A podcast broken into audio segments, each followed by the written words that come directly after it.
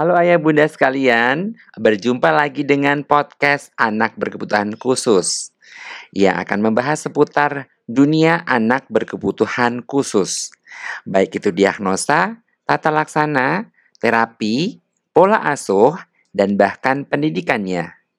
Langsung saja kita simak. Nah, di episode kali ini kita akan membahas tentang kematangan refleks primitif untuk kematangan motorik anak. Dan bagi ayah bunda yang belum tahu apa itu refleks primitif, simak terus episode kali ini.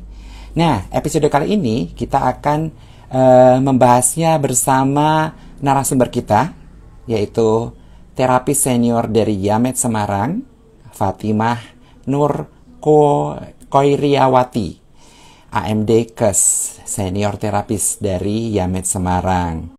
Nah, uh, kita akan bahas materi ini dengan uh, narasumber kita. Coba saya akan lihat apakah narasumber kita sudah masuk ya. Iya, halo Pak Gun. Apa kabar? Alhamdulillah baik. Alhamdulillah. Pak Gun apa kabar? Alhamdulillah baik juga. Ya, uh, Fatimah, kita langsung saja hmm, masuk ke pembahasan kita ya kali ini ya. Iya hmm, dokter. Oke, okay, Fatimah. Banyak pertanyaan tentang motorik nih. Jadi permintaan yang masuk ke IG, ke IG itu adalah, ayo dong bahas tentang kematangan motorik anak. Nah, kan kalau kita mau membahas motor, kematangan motorik anak, pasti tidak terlepas dengan membahas refleks primitif. Nah, iya, banyak orang tua nih, ayah bunda semua yang ternyata belum tahu nih refleks primitif itu apa. Oke, silahkan Fatimah jelaskan apa itu refleks primitif. Iya, jadi uh, untuk perkembangan uh, apa motorik itu kan pertama kali itu bayi itu akan mengalami uh, apa refleks primitif, akan mempunyai refleks primitif. Hmm. Nah, jika refleks primitifnya itu sudah matang, nah nanti akan hmm. uh, berpengaruh terhadap gerakan motoriknya. Nah, refleks yeah. primitif itu apa sih? Jadi refleks primitif itu adalah gerak tanpa disadari ya. Gerak tanpa hmm. disadari atau gerakan otomatis gitu yang terjadi biasanya diinisiasi oleh sensori gitu. Hmm. Jadi um, sebelum ada refleks itu kan uh, sebelumnya itu ada sensorinya dulu yang harus matang ya. Yeah. Jadi sensori itu kan ada taktil, ada vestibular, ada proprioseptif, terus yeah. kemudian ada panca inderanya, ada penglihatan, yeah. oh, iya, terus uh, penciuman, terus iya. kemudian yeah. ada ini indera peraba, gitu kan, uh -uh. terus ada audiotori, gitu, mm-hmm. itu harus matang dulu, kemudian nanti akan yeah. meningkat ke refleks primitif. Nah, Betul. Kemudian uh, refleks primitif ini akan muncul itu dari bayi sampai pada usia tertentu gitu. Ada juga refleks mm-hmm. yang akan bertahan sampai seumur hidup seperti itu. Mm-hmm. Nah, nah kemudian uh, apa saja sih jenis-jenis refleks primitif itu, ya kan, ya dok ya? ya.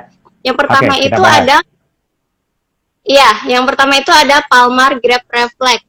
Nah, hmm, palmar grab reflex itu adalah refleks menggenggam. Hmm. Refleks menggenggam. Nah, terjadi pada usia uh, dari lahir sampai tiga bulan gitu. Cara hmm. menstimulasinya bagaimana?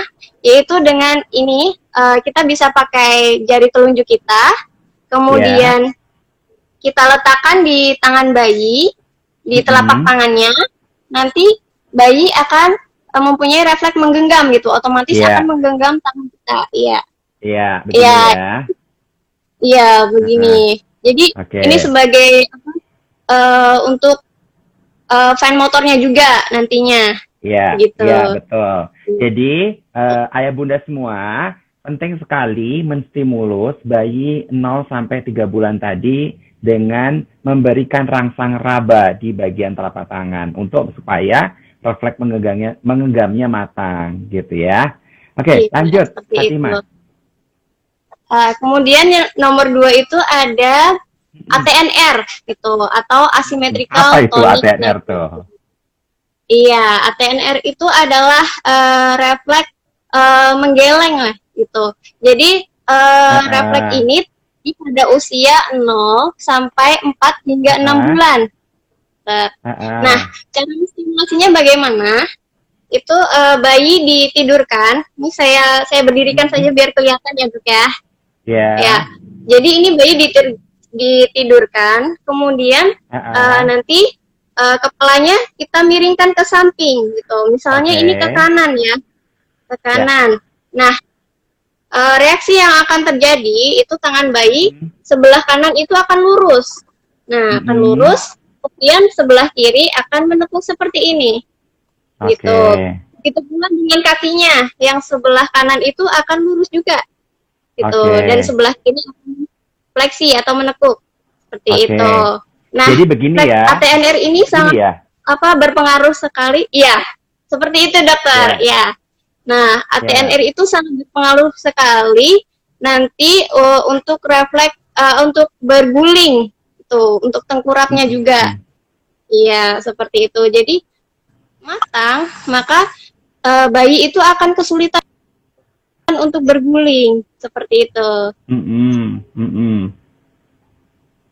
Oke. Kemudian- Jadi ayah bunda semua eh, di usia tadi 0 sampai 4 atau 6 bulan tadi itu pentingnya sekali eh, melihat respon respon tadi waktu kita menolehkan kepala. Jadi kad- eh, stimulasi Iya. adalah kita menolehkan. Nah, eh, Iya. saat terjadi refleks seperti ini, tanda itu matang dan akan menghilang di sekitar eh, enam bulan tadi. Jadi bentuk gerakan yang terkoordinasi, bukan lagi refleks eh, ATNR tadi. ATNR itu singkatan dari asymmetrical tonic neck reflex.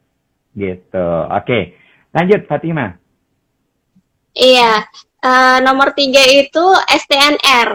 Nah, yang tadi Hmm. ATNR sekarang STNR gitu. STNR itu singkatan Hmm. dari symmetrical tonic neck reflex gitu. Jadi eh, Iya. cara eh, itu terjadi saat usia 0 sampai 4 Mm-mm. bulan atau enam bulan gitu. Jadi eh, Hmm. hampir sama dengan ATNR tadi. Ya Ya. Gitu. Nah, cara stimulasinya bagaimana? Yaitu dengan eh, memposisikan bayi eh, seperti duduk seperti ini. Ya. Nah, Heeh. ini kan ini apa kakinya itu menggantung gitu. Jangan lupa disangga Hmm. ya, ayah bunda. Ya, Mm-mm. disangga bayinya. Kemudian eh, kita menstimulasinya dengan eh, mengekstensikan atau memfleksikan kepalanya gitu. Jadi Oke, Eh, kalau istilahnya istilahnya bukan eh, eh, mungkin ayah bunda mungkin agak bingung nih apa ekstensi itu. Ya, Iya. jadi, Jadi- didongakkan atau ditundukkan kepalanya nih ayah Iya, bunda. Iya. ya, jadi nanti ayah bunda bingung tuh apa itu ekstensi, apa itu fleksi gitu. jadi eh, kepalanya itu ditegakkan ke belakang atau didongakkan atau ditundukkan. Betul, Iya. gitu stimulasinya. iya. Ya. Jadi reaksi yang apa, akan Fatimah? muncul, Heeh.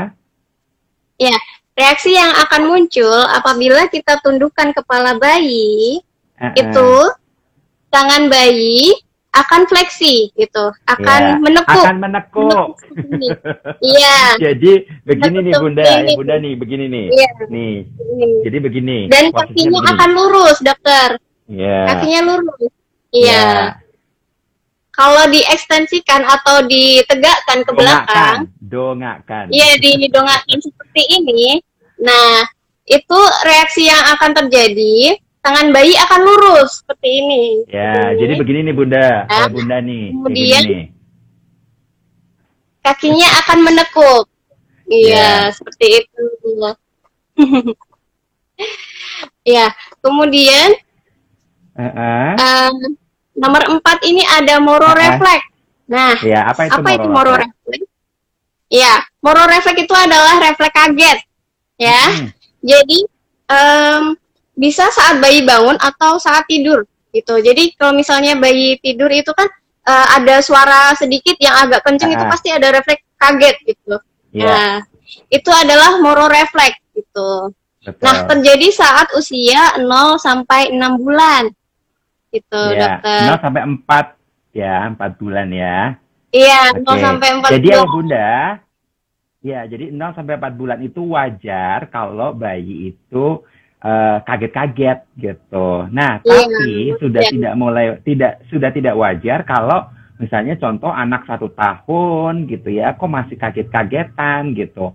Itu berarti moral refleksnya masih belum matang dan eh, terj- terjadi pemanjangan ma- fase. Nah, itu yang harus dicari tahu kenapa sampai dia kok eh, tidur masih kaget-kagetan gitu atau Iya. nggak dalam keadaan tidur pun dia mis- misalnya ada suara keras, suara pintu kebuka itu kagetan. Nah itu yang nantinya berpengaruh pada kecemasan anak. Biasanya anaknya di eh, bentuk eh, masalahnya adalah anaknya jadi cemas, rewel, cranky kayak gitu. Itu yang mesti dicari tahu nantinya. Kalau refleks moro ini yang sering kali bermasalah masih memanjang gitu ya. Oke, Iya. eh, lanjut lagi Fatima. Iya, nomor 5 itu ada routing. Routing atau refleks mencari, dokter. Ya. Nah, refleks ini terjadi saat bayi usia 0 sampai 3 bulan. Nah, Ah, refleks mencari itu adalah eh, cara stimulasinya seperti ini. Jadi bisa pakai jari telunjuk kita atau bisa pakai dot. Tuh, tapi pastikan eh, jari kita tuh udah steril ya. betul. Nah, Nanti eh, cara mem- eh, menstimulasinya dengan cara eh, letakkan telunjuk kita di sekitar mulut bayi gitu. Kemudian Iya. putar secara perlahan. Nah, nanti bayi itu akan mencari sumber dari su- eh, sensori tersebut. Ya. Seperti itu. Nah, ini dinamakan routing refleks atau refleks mencari. Seperti itu. Iya. Jadi ayah bunda di 0 sampai 3 bulan tadi pentingnya menstimulus di bagian area fasial sini termasuk di ujung bibir, di pipi kayak gitu. Nah, eh, eh, anak akan mencari sentuhan yang kita berikan stimulasi tadi. Nah, hati-hati bila eh, di atas tiga bulan tadi justru itu masih masih terjadi. Itu akan menjadi ma- masalah juga karena eh, terjadinya namanya hipersensitivitas dan biasanya anaknya juga nantinya akan bermasalah dengan eh, mengunyah, menyedot, eh, bahkan bicara tadi, gitu ya. Oke, next lanjut Fatima. Iya. Iya. Nah, selanjutnya ini ada suckling refleks atau refleks menghisap gitu. Mm-mm. Terjadi saat bayi usia 0 sampai 3 bulan, Dokter. Mm. Cara menstimulasinya bagaimana? Itu dengan eh, sama seperti yang tadi, jadi bisa pakai jari atau pakai dot. Mm. Nah, Mm-mm. nanti kita letakkan jarinya di depan mulut bayi. Nah, Ya, depan mulut bayi seperti ini. Nah, nanti Mm-mm. bayi akan eh, refleks untuk menghisap gitu. Mm-mm. Refleks untuk menghisap. Biasanya eh, ini adalah refleks pertahanan gitu ya. Ya. Atau eh, refleks eh, mempertahankan hidup untuk mencari makan, mencari nutrisi. Seperti itu. Ya. Ya, jadi ayah Iya. bunda di 0 sampai 3 bulan tadi penting sekali menstimulus si sucking refleks ini. Sucking ini akan berfungsi untuk eh, eh, bagaimana dia kuat dalam eh, ASI dan seterusnya. Dan hati-hati nih Iya. bagi bayi-bayi yang tidak ASI. Makanya seharusnya dianjurkan sama ASI karena eh, ASI itu benar-benar eh, si mulut bayi itu akan benar-benar nguncup di eh, payudaranya ibu dan itu akan benar-benar stimulasi yang paling luar biasa pada saking refleks ini. Dan eh, beda antara bayi yang dia itu ASI sama tidak ASI akhirnya. Karena kenapa? Karena stimulasi ini yang sangat matang di bayi-bayi ASI.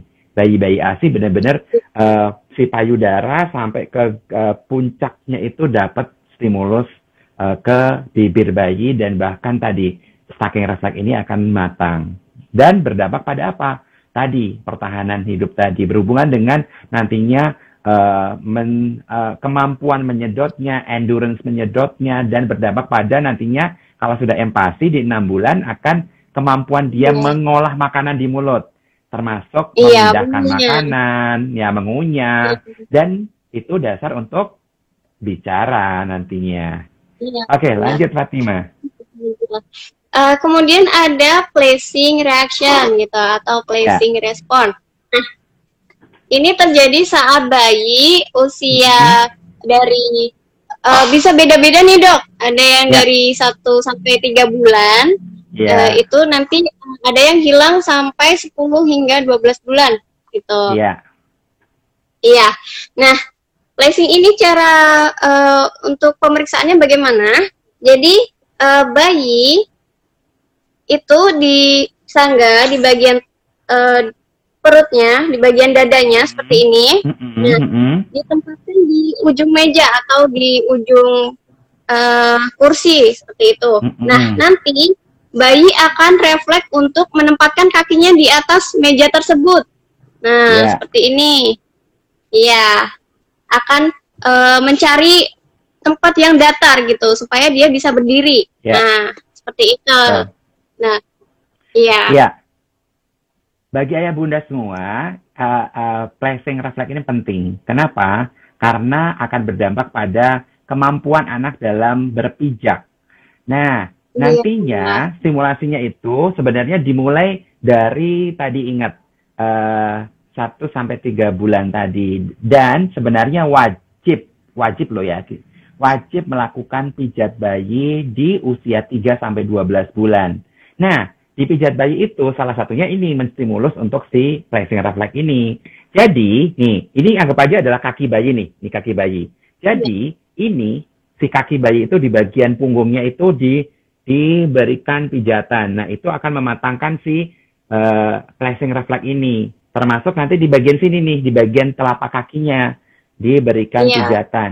Nah, eh, jadi nantinya berikan pijatan. Nah, pijatannya itu adalah sekali pijatannya ini adalah sembilan kali. Jadi satu, dua, tiga, empat sampai sembilan. Baru pindah ke area sebelahnya, sebelahnya, sebelahnya. Nah, di bagian sini sembilan kali, di sini sembilan kali juga. Dan tarik-tarik ujung-ujung jarinya. Ini akan membantuin untuk tadi mematangkan sensori dan refleksnya. Termasuk tadi nih salah satunya refleks placing tadi. Placing tadi akan berdampak pada nantinya bayi eh, itu mampu berjalan dengan stabil dan bahkan dia 12 bulan akan sudah stabil berjalan tanpa pegangan dan kestabilan bayi akan berdampak pada apa? Percaya diri. Dan percaya diri apa yang terjadi? Dia eksplorasi. Dan kalau eksplorasi apa yang terjadi? Anaknya akan punya banyak knowledge, punya banyak ilmu, termasuk persiapan untuk bicara dan bahasa. Itu yang penting, gitu ya. Oke, next ke eh, selanjutnya, Fatima. Iya, selanjutnya itu ada primary stepping gitu. Jadi eh, refleks melangkah. Iya, refleks melangkah. Mm-mm. Ini terjadi saat bayi usia 0 sampai 3 bulan. Nah, cara Mm-mm. pemeriksaannya bagaimana? Jadi tempatkan bayi di atas meja atau di tempat yang Mm-mm. datar berupa stabilisasi Ya. di bagian dadanya ya, ya Bunda ya. Nah, Ya. nanti bayi akan mempunyai refleks untuk eh, melangkah, melangkah seperti itu. Jadi misalnya kaki kanan melangkah ke depan, kaki yang satunya, kaki sebelah kiri itu eh, masih di belakang gitu. Jadi akan berusaha untuk melangkah seperti itu.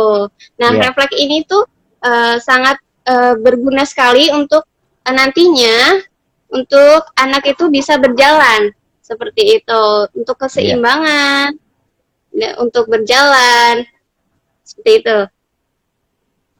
Ya, Ya. jadi ayah bunda, tadi kalau yang yang sebelumnya adalah namanya placing. Yang ini adalah stepping. Stepping itu adalah eh, melangkah. Jadi penting Melangkah. sekali menstimulus.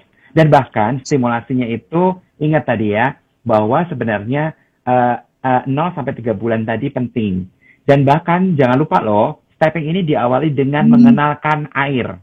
Jadi bayi itu sudah harus sudah harus dikenalkan dengan air. Nah, saat dia itu mendapat stimulus dengan air sama yang nantinya lantai itu akan sudah tidak perlu eh, banyak proses yang dilalui. Jadi saat nanti mandi, pentingnya tadi hidroterapi. Pentingnya apa? Mandinya di dalam kubangan air. Mungkin bisa pakai ember, bisa pakai apa saja.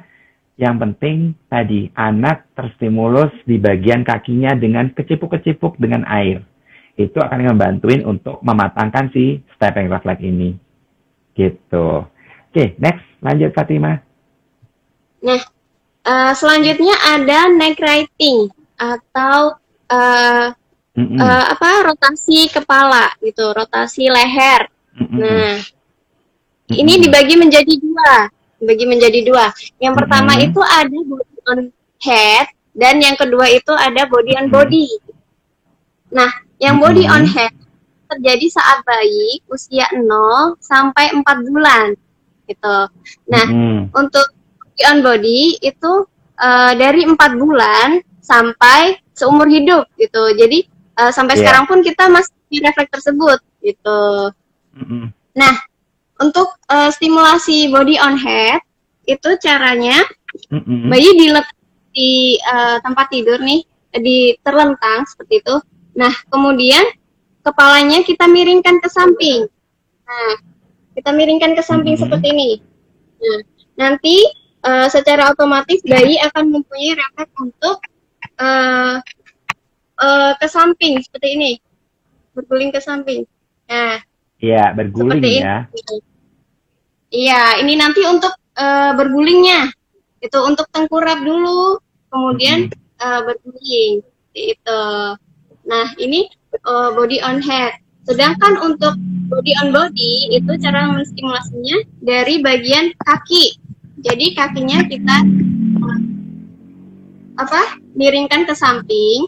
Nah, kemudian secara otomatis bagian bahu dan kepala akan mengikuti uh, kakinya untuk berputar ke samping seperti itu. Iya. Ya, dokter. Ya, bagi ayah bunda semua, uh, bila mempunyai anak yang uh, usianya sudah tiga tahun, 4 tahun, uh, menstimulus ini penting nggak? Penting, karena biasanya anak-anak yang dia uh, mengalami kekakuan gerak, terutama anak-anak dengan ASD, anak-anak ASD itu dia mengalami yang, yang namanya rigiditas, kekakuan. Jadi nantinya gerakannya tidak tidak luas, tidak uh, fleksibel, terutama anak-anak yang indikasinya dia mengalami uh, kesulitan dalam pelajaran olahraga. Jadi nanti gurunya gurunya udah mulai komplain tuh, misalnya uh, misalnya Bu Bunda ayah uh, anaknya tidak bisa koprol, anaknya tidak tidak tidak mau senam. Nah, uh, stimulasi yeah. Uh, dalam bentuk stretching setiap hari dengan menggerakkan tadi tuh dari mulai si paha itu ke arah rolling ke kanan ke kiri itu supaya terangnya terstretching dengan baik itu penting.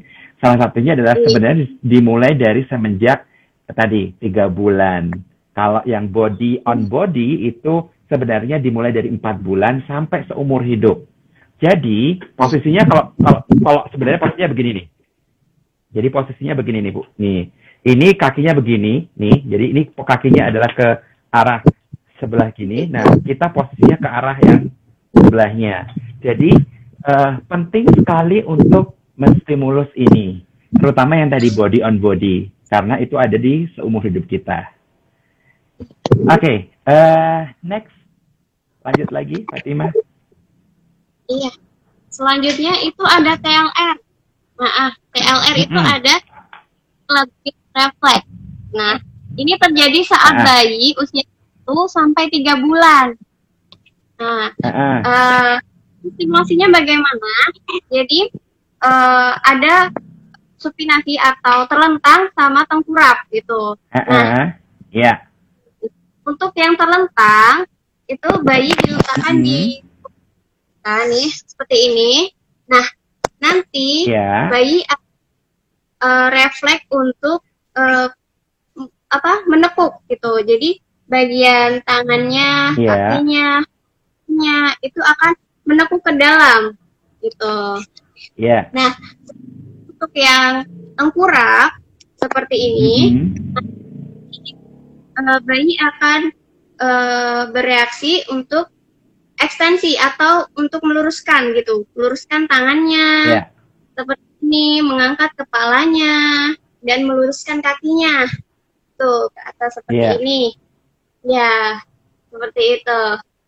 Nah, ini uh, ya, sangat penting untuk fleksibil, uh, fleksibilitas juga untuk bayi gitu. Iya. Iya.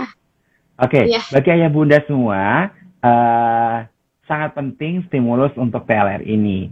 Bahkan pad- pada beberapa eh, kasus anak-anak yang dia mengalami gangguan eh, kecemasan, eh, gangguan kestabilan emosi, eh, tantrum dan seterusnya, posisi tadi nih, posisi begini, posisi begini itu penting untuk membuat dia calming. Calming itu anaknya lebih tenang. Jadi em, pada posisi berhak, berhak itu biasanya adalah eh, saat anak sudah tidak bisa dikendalikan itu di eh, diposisikan tadi eh, eh, lehernya itu agak ditekuk, kakinya itu ditekuk Hmm. dan posisi tangannya itu di eh, tekuk begini, di diposisikan untuk menekuk. Itu akan ngebantuin untuk anak lebih calming, anak lebih tenang, anak lebih eh, mendapatkan eh, kenyamanan gitu ya.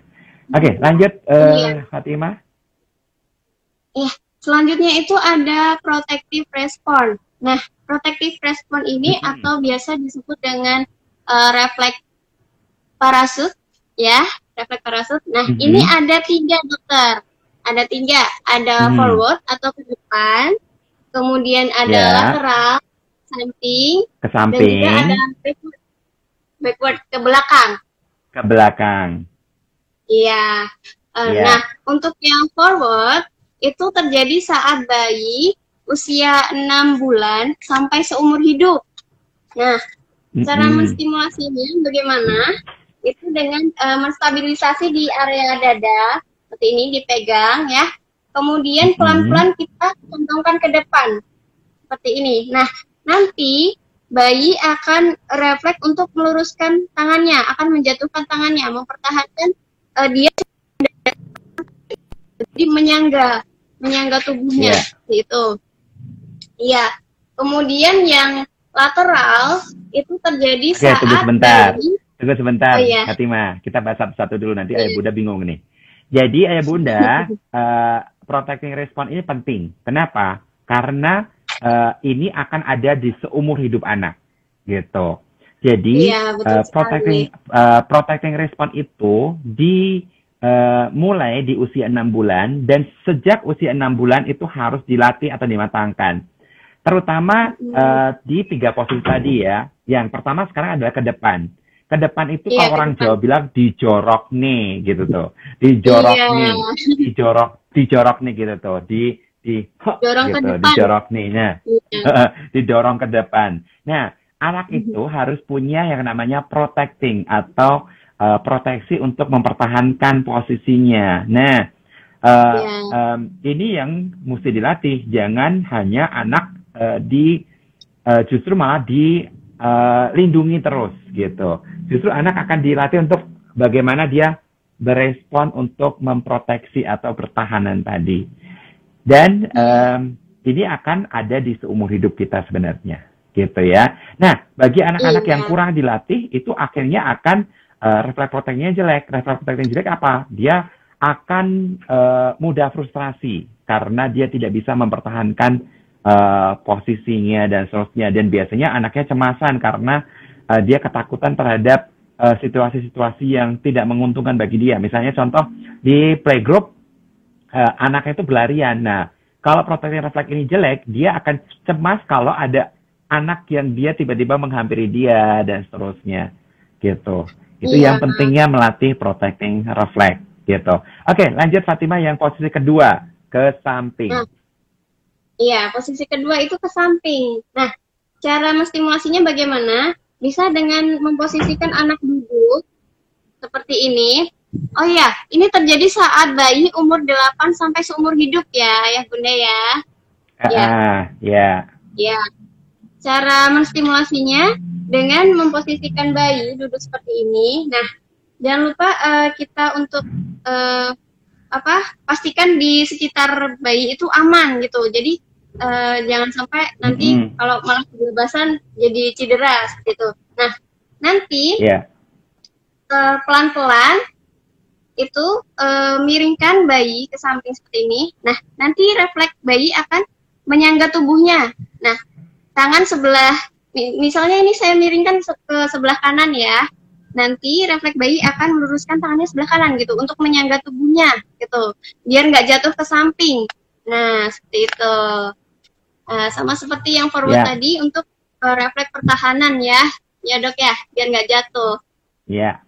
Oke. Okay. Yeah. Ayah bunda, ini penting juga. Tadi kalau kalau kita terangkan di ke depan, nah ini ke samping. Jadi penting loh uh, kita dorong dorong anak untuk ke arah samping, ke arah samping gitu.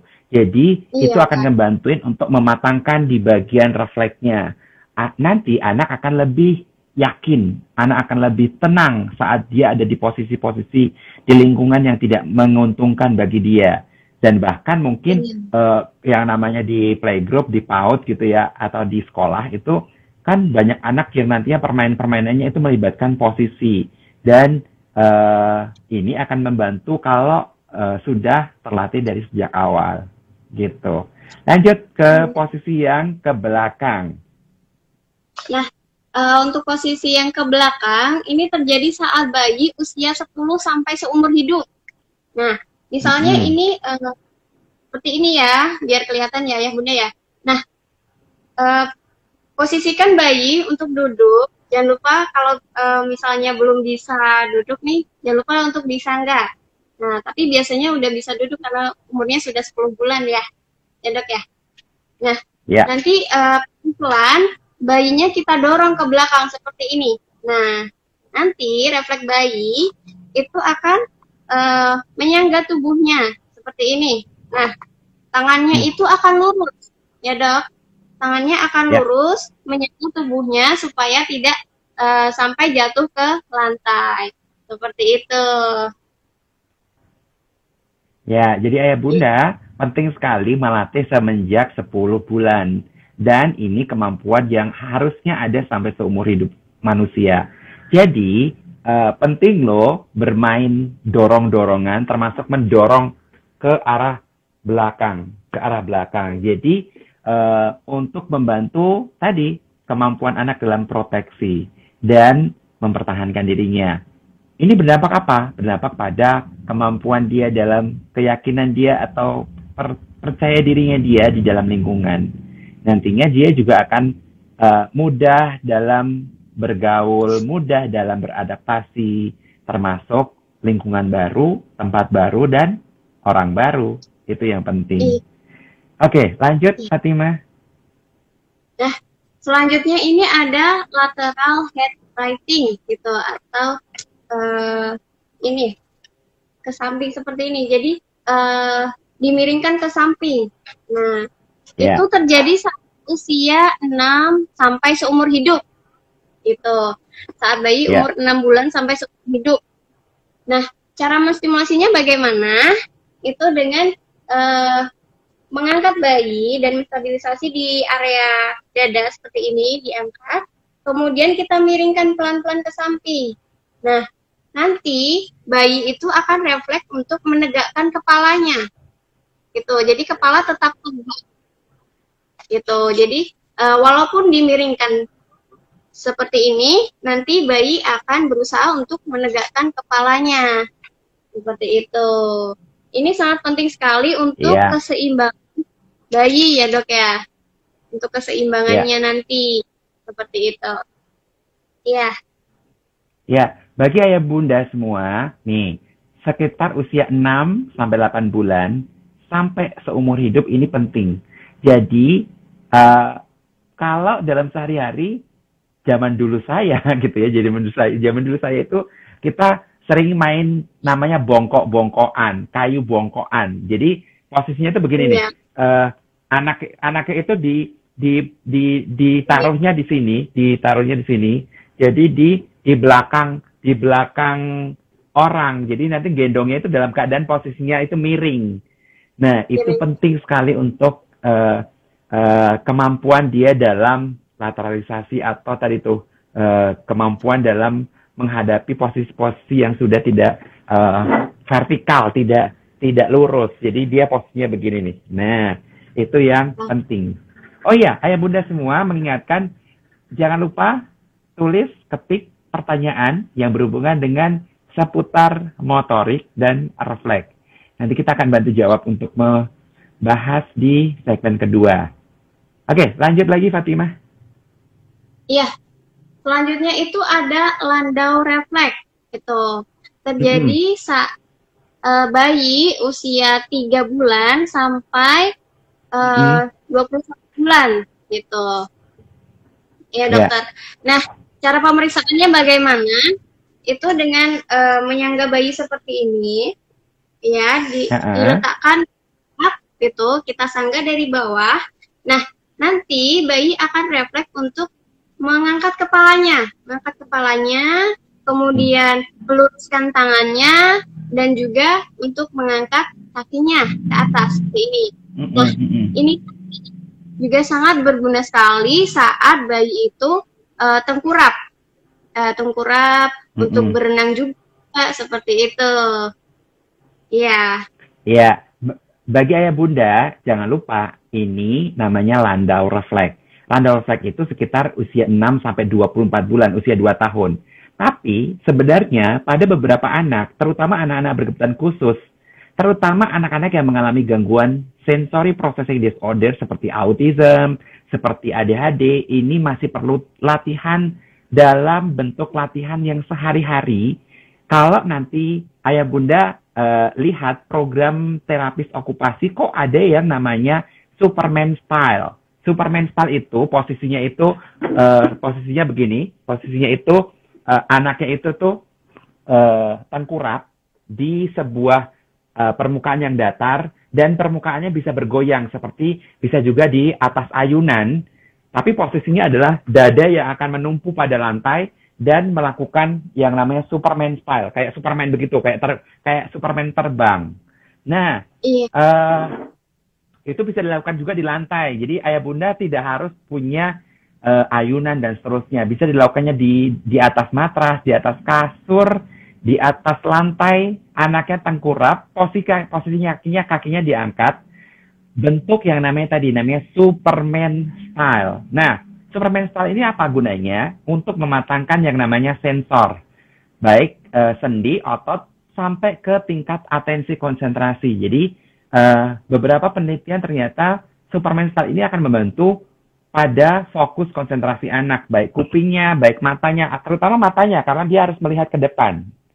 Dan hitungannya Iya. detik. Jadi ayah, ayah bunda nanti hitung detik. Misalnya, ayo kita posisinya begitu. Satu, dua, tiga, empat, lima. Nah kayak gitu. Jadi eh, bagi yang anak-anaknya misalnya ADHD, autis, yang stimulus tadi si, si landau refleks itu masih bermasalah, latih. Latihnya hitung angkatan kakinya dan kepalanya untuk ke atas dan hitung detikannya tadi. Sebenarnya harus di atas 10 detik. Jadi kalau masih baru 3 detik terus dia udah turun lagi gitu ya, ayo latih lagi. Itu yang penting. Gitu. Oke, eh Fatima, em, kayaknya kita Dokter. mesti masuk ke segmen kedua karena waktunya sudah mau habis dan pertanyaan masih banyak dan belum kita jawab. Kita eh, hentikan Iya, materinya betul. dulu karena karena eh, pertanyaannya harus dijawab. Oke, kita masuk ke menjawab pertanyaan. Pertanyaan yang pertama dari eh, Fernando underscore Haryanto. Eh, dok, tadi dokter mengatakan bahwa pijat bayi itu sangat penting sekali. eh, selain penting untuk refleks apa yang eh, apa saja fungsi dari pijat bayi tersebut. Oke, ini karena pertanyaan pijat bayi aku jawab ya Fatima ya.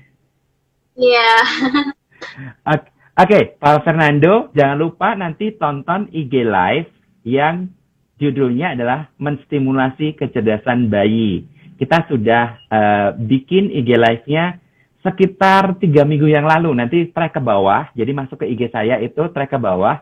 Ada yang namanya stimulasi kecerdasan bayi. Nah, di situ menerangkan tentang pijat bayi. Nah, eh, saya ulang lagi secara secara eh, garis besar. Apa sih manfaat pijat bayi? Satu, pijat bayi itu akan berdampak pada yang namanya mematangkan sensori. Jadi, yang namanya menyentuh, nih, menyentuh, dan sentuhannya bukan sentuhan biasa, karena pijat itu adalah memijat. Jadi, menggunakan eh, tekanan, bukan hanya nyentuh. Jadi, akan membantu mematangkan sensori anak, dan nantinya sensornya dan sensor itu semua tuh seluruhnya dari ujung rambut sampai ujung kaki karena pijat bayi itu akan menstimulus semuanya dari mulai wajah wajah pun nanti ada empat area gitu ya dari mulai sini sini sini sini gitu dari wajah sampai ke uh, dada lengan tangan uh, perut kaki paha betis sampai ke kaki Nah, gunanya untuk mematangkan sensori tadi. Yang kedua, mematangkan sensori taktil. Yang ketiga adalah membuat uh, otot-ototnya itu aktif bergerak. Jadi akan membantu progres milestone motorik kasar lebih baik. Jadi dari mulai tiga bulan itu dia tengkurap, enam bulan duduk, delapan bulan merangkak, eh, sepuluh sebelas bulan berdiri, dan dua belas bulan jalan. Nah, uh, dan bahkan Pak Fernando bisa baca buku saya ada di Gramedia, judulnya My Baby. Buku saya uh, menceritakan tentang bagaimana manfaat spa baby, pijat bayi, dan cara melakukannya ada di situ. Di situ dijelaskan bahwa uh, pijat bayi itu sebaiknya dilakukan dua kali sehari. Dilakukannya oleh siapa? Bukan dukun bayi, bukan tapi justru ayah bundanya langsung. Karena kenapa? Di situlah terbentuk yang namanya bonding. Di situlah terbentuk yang namanya interaksi antara ayah bundanya dengan anaknya. Dan bonding adalah salah satu langkah membentuk interaksi dan komunikasi. Dan di situ nantinya bicara dan bahasa terbentuk, sosialisasinya terbentuk. Anaknya jadi tidak rewelan. Anaknya akan mudah friendly dengan siapa pun. Dan salah satunya di situ saya jelaskan bahwa ada pijat bayi yang dia akan meningkatkan beberapa beberapa fungsi seperti uh, nafsu makannya jadi bertambah dan seterusnya. Dan yang paling penting ingat tidurnya akan lebih pulas saat dilakukan pijat bayi dan kualitas tidur yang baik pada bayi itu akan membantu waktu malam hari hormon melatoninnya aktif. Melatonin itu berfungsi untuk banyak sekali di hormon tidur. Salah satunya regenerasi sel saraf dan seterusnya. Nah, itu uh, manfaat dari pijat bayi. Nanti lebih lanjutnya bisa tadi dilihat di IG live saya atau baca buku saya judulnya My Baby di toko buku seperti Gramedia atau bisa pesan ke Yamet di 08111 339688 ketik aja di WhatsApp pesan buku My Baby. Nanti akan uh, diminta transfer dan nantinya akan dikirim langsung ke rumah Pak Fernando. Seperti itu. Oke, masuk ke pertanyaan berikutnya nih, um, Fatima dari Ibu Evi Prilly. Uh, anak saya 4 tahun masih memasukkan apa pun ke mulutnya, ngemut jari sampai mainannya uh, sampai ke mainannya. Bagaimana cara menghilangkannya? Aduh, ini empat tahun masih di fase oral. Aduh. Oke, okay, uh, eh, jelaskan ulang uh, Fatimah tadi tentang yang refleks uh, sucking dan refleks uh, rooting. Ya. Jadi tidak matangnya refleks. Ya, silakan. Iya. Jadi untuk uh, kematangan refleks suckling dan routing ini penting sekali ini, uh, terutama untuk uh, anak ayah bunda tadi nih yang masih memasukkan benda ke mulut gitu. Nah, yeah. kematangan ini, uh, ketidakmatangan ini itu uh, bisa menyebabkan anak menjadi kurang sensori gitu, kurang apa ya, kayak ada rasa uh, gatel pengen memasukkan benda ke mulut Ya, seperti itu. Ya, nah, kebutuhan, kebutuhan iya, memasukkan benda ke mulut. Tuh, masih belum matang, gitu. Ya. Nah, oke. Okay, jadi nah, buat uh, ya. Iya. Ya, lanjut. Lanjut, dokter. ya, iya. oke. Okay. Buat ibu, buat ibu Evi, jangan lupa mematangkan refleks routing dan refleks sucking tadi penting saat tidak matang akan muncul yang namanya seeking sensory. Seeking adalah mencari, sensory adalah men, me, sensorinya. Jadi akan um, uh, tadi fasenya jadi masih belum berkembang. Jadi ayah bunda semua, bagi bayi yang tadi di fasenya fase oro itu memang ya nggak apa-apa waktu bayi loh ya. Jadi gini, waktu bayi bahkan sampai uh, si um, kemampuan oro ini sampai sekitar 6 bulan sampai 7 bulan. Jadi kalau memasukkan benda ke mulut itu nggak apa-apa sampai sekitar 6 bulan. Dan justru malah nggak apa-apa. Karena kenapa? Karena itu kebutuhannya dia. Saat dulu waktu dulu kurang, kurang atau dilarang. Jadi pada beberapa kasus itu banyak orang tua melarang, eh jangan, atau kotor, kotor. Nah, itu fasenya. Saat itu dilarang, justru akan memanjang. Dan kebutuhan itu dalam bentuk tadi namanya seeking sensory. Jadi memasukkan semua benda ke mulut. Salah satu terapinya adalah nanti Bu Evi, uh, sil, uh, silakan datangi klinik tumbuh kembang terdekat yang ada okupasi terapi dan terapi bicaranya. Nanti akan dibantu oleh dua ahli itu. Okupasi terapis akan membantu untuk memberikan terapi yang namanya sensori oromotor.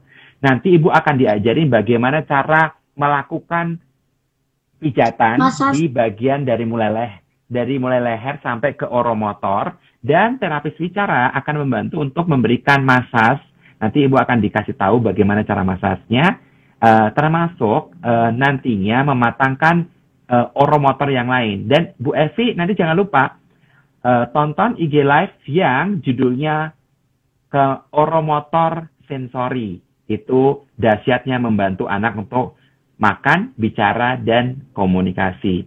Itu yang akan harus dilatihkan. Dan nantinya ada di terapi perilaku juga jadi, selain dimatangkan, tugas orang di lingkungan adalah saat sekarang ini sudah harus sudah memberikan warning. Warning itu melarang. Eh, dan ingat, iya. Bu Evi kalau melarang anak memasukkan jari ke mulut tidak boleh dengan kata tidak atau jangan. Jadi, bukan eh tidak, eh jangan, nggak boleh. Tapi dengan kata positif, gitu. Eh, tangannya yang bagus, gitu. Dan ingat, sering-sering melakukan stimulasi tadi, termasuk makan. Jadi kemampuan makannya harus bervariasi, termasuk buah, termasuk nasi, pengunyahan nasi, dan seterusnya, termasuk yang lembek-lembek dan keras-keras. Iya. Itu yang harus dilatihkan. Jadi, nanti akan dibantu oleh tiga terapis sebenarnya kalau di klinik. Uh, terapis perilaku untuk memberikan CBT, namanya Cognitive Behavior Therapy, Uh, terapis okupasi akan memberikan yang namanya sensori tadi. Terapis wicara akan mematangkan kemampuan oral motor. Jadi datang ke klinik tumbuh kembang supaya tidak terlambat. Karena ini udah empat tahun loh. Udah sangat-sangat amat-amat terlambat sekali. Jadi kalau dibiarkan akan tidak matang di kemampuan oromotornya. Gitu Bu Evi. Oke, okay, uh, eh, bahas lagi di pertanyaan selanjutnya nih, uh, Fatima. Iya. Do, dari Ibu Ulfa Ulfaniesa. Uh, dok, rangsangan atau stimulasi untuk membantu anak speech delay bagaimana ya? Oke, okay. ini sebenarnya bukan koridor kita, tapi kita jawab aja nih Fatima. Jadi sebenarnya hari ini teh hari ini bukan membahas speech delay nih Bu Ulfa, tapi nggak apa-apa nih karena uh, Ibu bertanya, jangan lupa nanti uh, Bu Ulfa tonton IGTV yang judulnya adalah uh, terapi wicara untuk anak speech delay. Nanti scroll ke bawah, tonton itu. Jadi nantinya yang harus ibu matangkan ada tiga. Yang pertama adalah kemampuan sensorinya. Sensori di sini adalah sensori oromotor. Sensori oromotor itu ada lima. Nah, Bu Ulfa tugasnya mematangkan lima sensori oromotor ini. Dari mulai meniup, menyedot, minuman, menggigit makanan, mengunyah, dan menelannya. Nah, tiupnya juga berbagai variasi. Nanti tonton IGTV yang berhubungan dengan oromotor. Ibu scroll ke bawah, nonton di situ. Harus matang tuh. Yang pertama itu namanya sensori oromotor. Yang kedua adalah melatih reseptif bahasa. Jadi jangan dimanjain, harus disuruh-suruh. Sebelum mandi, nggak boleh mandi kalau belum ngambil semua peralatannya diambil sendiri. Dan ingat, nggak boleh nunjuk. Jadi, itu ambil handuknya, ya sama aja bohong. Itu justru malah mematikan reseptif bahasanya. Harusnya, ayo kamu mau mandi. Ayo ambil handuknya mana? Gitu. Ambil bajunya. dia yang nyari sendiri bajunya di mana, gitu, celananya di mana. Dan yang ketiga adalah latih re, uh, produksi suara atau ekspresifnya, ekspresi bahasa. Jadi setelah dia kasih ibu handuk, ibu tanya pura-pura, hah, iya, ini apa ini? Oh iya, handuk. Iya, handuk. Apa ini nak? Handuk. Nah, jadi tiga tadi yang harus dilatih nih Bu. Tapi selengkapnya Ibu tonton ya. Dan jangan lupa bawa ke klinik tumbuh kembang yang ada okupasi terapinya, terapi bicaranya, dan terapis perilakunya. Jadi terapi karena sudah delay tadi.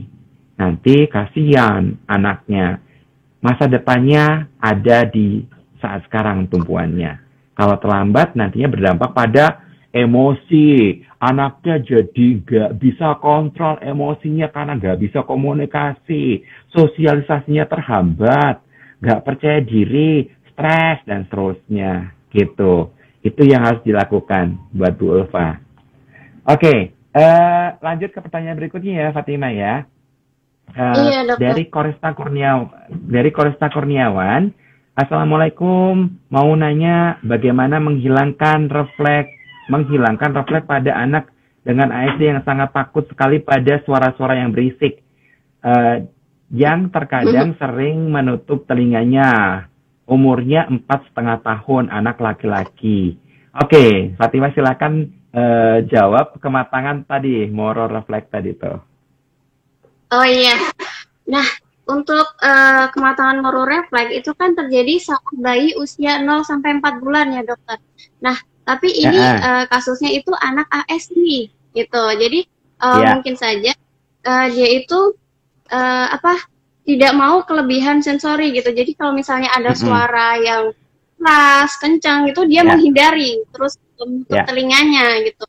Karena dia yeah. punya uh, tadi sensitivitas. Apa? Sensitivitas yang tinggi. Gitu.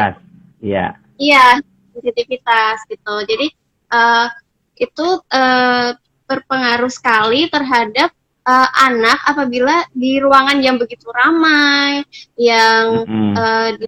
uh, banyak, itu dia akan tidak tenang gitu, menghindar mm-hmm. gitu. Mm-hmm. Jadi mm-hmm. bisa di keramaian gitu. Nah, yeah. itu nanti uh, bisa diterapi gitu ya, mm-hmm. dibawa ke tempat terapi. Nah, itu akan distimulus gitu Eh, sedikit-sedikit uh, akan distimulus supaya dia tidak terlalu yeah. hipersensitif terhadap yeah. suara yang keras. Seperti okay. itu. Buat uh, Koresa Kurniawan, jangan lupa uh, uh, sampaikan ke orang tuanya untuk dibawa ke klinik tumbuh kembang yang ada okupasi terapisnya karena nanti akan latihannya adalah namanya sensori integrasi. Uh, hypersensitivitas uh, sensori suara itu akan diberikan yang namanya nih kayak gini nih.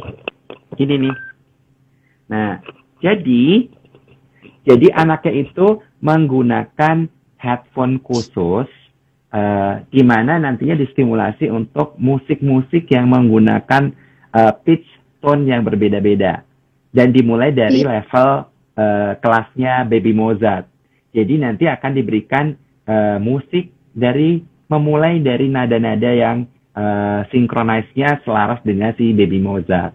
Nanti bergerak terus tuh sampai dia anaknya berkurang. Dan ada beberapa sebenarnya kalau di kota-kota besar ada namanya terapi AIT, uh, Auditor Integration Training. Itu juga akan membantu untuk membuat frekuensi hypersensitivitas suara pada anak ASD itu berkurang. Gitu. Cuman kan kalau uh, Koreawan itu di Samarinda nih. Jadi jauh banget. Jadi uh, kemungkinan terapi AIT tadi nggak ada. Tapi di Samarinda ada uh, terapi-terapi seperti okupasi terapi dan sensori integrasi tadi. Bisa di sana, gitu ya. Oke, okay, uh, eh, Fatima, karena udah waktunya, um, saatnya uh, Mas akan umumkan. Oh, Oke, okay. karena mic ada di saya, jadi saya umumkan uh, pemenang giveaway malam ini adalah uh, pemilik akun Fernando underscore Haryanto. Jadi selamat buat uh, pemilik akun Fernando underscore Haryanto. Habis uh, acara ini silahkan DM ke Instagram Yamet Cilandak dengan menyertakan nama lengkap, alamat lengkap, dan nomor handphone. Karena giveaway-nya akan dikirimkan lewat JNE. Oke, eh, Fatima karena waktunya yang terbatas, silakan pesan-pesan buat ayah bunda semua. Oke, uh, pesan-pesan kepada ayah bunda semua, uh, jangan lupa kalau misalnya uh, anak mengalami uh, apa belum matang refleksnya gitu ya, jadi ya. harus distimulasi terus gitu. Kalau misalnya udah ketahuan ya. nih dia terlambat perkembangan ya, sebaiknya segera mungkin dia dibawa ke klinik tumbuh kembang seperti itu biar bisa mengajar keterlambatannya. Ya, gitu. Iya, oke. Okay. Iya, jadi uh, jangan lupa waspadain terus apakah anak mengalami gangguan dan kalau mengalami gangguan ya dibawa ke klinik tumbuh kembang yang mempunyai tim lengkap dari mulai asesornya sampai ke terapis-terapisnya, baik terapis okupasi, terapis sensor integrasi, terapis bicara, terapis visio, terapis perilaku dan semua. Gitu. Oke, okay, uh, eh, Baik, sepertinya sudah di penghujung waktu kitanya. Terima kasih atas waktunya, Fatima. Dan iya. nanti lain kali kita kita akan IG live kembali dengan tema yang berbeda ya. Terima kasih ayah bunda semua yang sudah mendengarkan podcast anak berkebutuhan khusus. Dengarkan terus seri lainnya dan sampai jumpa.